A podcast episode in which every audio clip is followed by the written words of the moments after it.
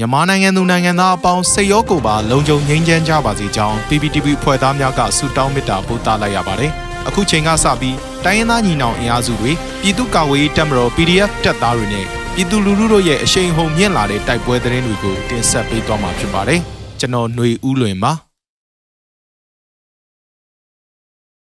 ။ပထမဆုံးအနေနဲ့ရန်ကုန် PDF ကမြို့နယ်၄ခုမှာစစ်ကောင်စီတပ်ကိုတိုက်ခတ်ခဲ့ရာ စစ်သားတအုပ်အပါအဝင်စစ်ကောင်စီဘက်တော်သား၄ဦးသေဆုံးပြီးနှစ်ဦးအပြင်းထန်ဒဏ်ရာရတဲ့တဲ့တင်ကိုတင်ဆက်မှာပါ။ရန်ကုန် PDF ကမြို့နယ်၄ခုမှာစစ်ကောင်စီဘက်တော်သားများကိုတိုက်ခိုက်ခဲ့ရာစစ်သားတအုပ်အပါအဝင်စစ်ကောင်စီဘက်တော်သား၄ဦးသေဆုံးပြီးစစ်သား2ဦးအပြင်းထန်ဒဏ်ရာရရှိကြောင်းရန်ကုန်တိုင်း PDF ကသတင်းထုတ်ပြန်ပါတယ်။ပြည်သူများကိုနှီးမျိုးစုံနဲ့ဖမ်းဆီးနှိပ်စက်တပ်ဖြတ်နေတဲ့အကြမ်းဖက်စစ်ကောင်စီတပ်များအပေါ်စစ်ရေးရရေးယူတုံ့ပြန်တိုက်ခိုက်နိုင်ရေးအတွက်ပြန်လွှားအောင်စစ်ဆေးရေးလှုပ်ဆောင်ချက်အဖြစ်ဒီဇင်ဘာလ30ရက်နေ့မှာ ဇန်နဝါရီလ2ရက်နေ့အထိလှုပ်ဆောင်ခဲ့မှုများကိုရန်ကုန်တိုင်းစစ်ဒေသခွဲကုတ်ကဲရေးအဖွဲ့ကယနေ့ဇန်နဝါရီလ3ရက်နေ့မှာသတင်းထုတ်ပြန်လိုက်တာပါ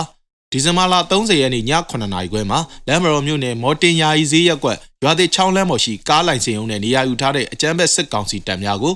ပြည်သူ့ကာကွယ်ရေးအဖွဲ့ Black Eagle Ranger BER ကအဝေးထိန်မိုင်းနဲ့ဖောက်ခွဲတိုက်ခိုက်ခဲ့တယ်လို့သိရပါတယ်။ဇန်နဝါရီလ2ရက်နေ့မှာရန်လွှားအောင်စစ်စင်ရေးအဖြစ် ပြည်သူ့ကာကွယ်ရေးအဖွဲ့များကအကြမ်းဖက်စစ်ကောင်စီတပ်များကိုတိုက်ခိုက်မှု၃ကြိမ်ပြုလုပ်ခဲ့ခြင်းပါ။လှိုင်မြို့နယ်ရွာမခွေကိုရောက်လာတဲ့အကြမ်းဖက်စစ်ကောင်စီလှည့်ကင်းကားကိုပြည်သူ့ကာကွယ်ရေးအဖွဲ့ဝင်များကဇန်နဝါရီလ2ရက်နေ့မနက်2နာရီမှာမိုင်းခွဲတိုက်ခိုက်ခဲ့ကြောင်းမနက်9နာရီမှာတော့တင်ကန်းကျွန်းမြို့နယ်လျှက်စစ်ရုံးဝင်းအတွင်းရှိအကြမ်းဖက်စစ်ကောင်စီတပ်ဖွဲ့ဝင်များတပ်ဆွဲထားတဲ့အဆောင်ကိုပြည်သူ့ကာကွယ်ရေးအဖွဲ့တစ်ဖွဲ့ဖြစ်တဲ့ MDF ရန်ကုန်တပ်ဖွဲ့များကမိုင်းဆွဲတိုက်ခိုက်ခဲ့ကြောင်းည9နာရီအချိန်မှာရွှေပြည်သာမြို့နယ်18ရပ်ကွက်ရှိအကြမ်းဖက်စစ်ကောင်စီတပ်များတပ်ဆွဲထားတဲ့ ရက်ကွက်အုပ်ချုပ်ရေးမှူးရုံးကိုပြည်သူ့ကာကွယ်ရေးအဖွဲ့များကတနက်များလက်လုံပုံးများနဲ့ဝင်ရောက်စီးနင်းခဲ့ကြောင်းထုတ်ပြန်ချက်မှာဖော်ပြထားတာပါ။ရန်ကုန် PDF ရဲ့တိုက်ခိုက်မှုကြောင့်လိုင်မြို့နယ်မှာအကြမ်းဖက်စစ်ကောင်စီဖော်ကားတစီထိခိုက်ပျက်စီးခဲ့ပြီးတင်ငန်းကျွန်းမြို့နယ်မှာအကြမ်းဖက်စစ်ကောင်စီဝင်တအုပ်သေဆုံးခဲ့ကြောင်းကျွေပြည်သာမြို့နယ်မှာရက်ကွက်အုပ်ချုပ်ရေးမှုအပါအဝင်၄ဦးသေဆုံးခဲ့ပြီးရန်သူစစ်သား2ဦးဒဏ်ရာပြင်းထန်စွာရရှိကြောင်းသိရှိရပါတယ်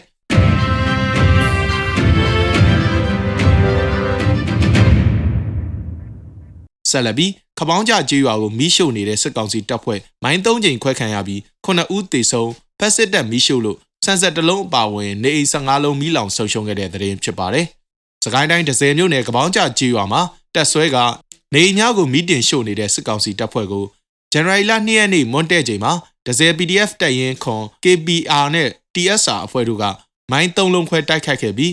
စစ်ကောင်စီတပ်သား9ဦးသေဆုံးကြောင်းနဲ့စစ်သားအလောင်းများအားရွာအတွင်း၌မိပုံရှို့နေကြောင်း KPK အဖွဲ့ထံမှသိရှိရပါတယ်။ယခုတိုက်ခိုက်မှုဟာကြာဆုံးရဲဘော်ကိုမျိုးချစ်ဆန်းအတွက်တွေးကြေးဆက်ခြင်းဖြစ်ကြောင်းဒဇယ် PDF တပ်ရင်းခွန်အဖွဲ့ဝင်တို့ကရန်ကုန်ခေတ်သစ်သတင်းဌာနကိုအတည်ပြုပြောကြားတာပါ။ကပောင်းကြကြေးရွာအတွင်းတက်ဆွဲထားတဲ့အကြမ်းဖက်စစ်ကောင်စီကမိရှုဖျက်ဆီးမှုကြောင့်စံဆက်တလုံးအပါဝင်နေ15လုံးခန့်မိလောင်ပျက်စီးထားပြီးဖြစ်ကြောင်းဒဇယ် PDF တပ်ရင်းခွန်ကပြောကြားပါတယ်။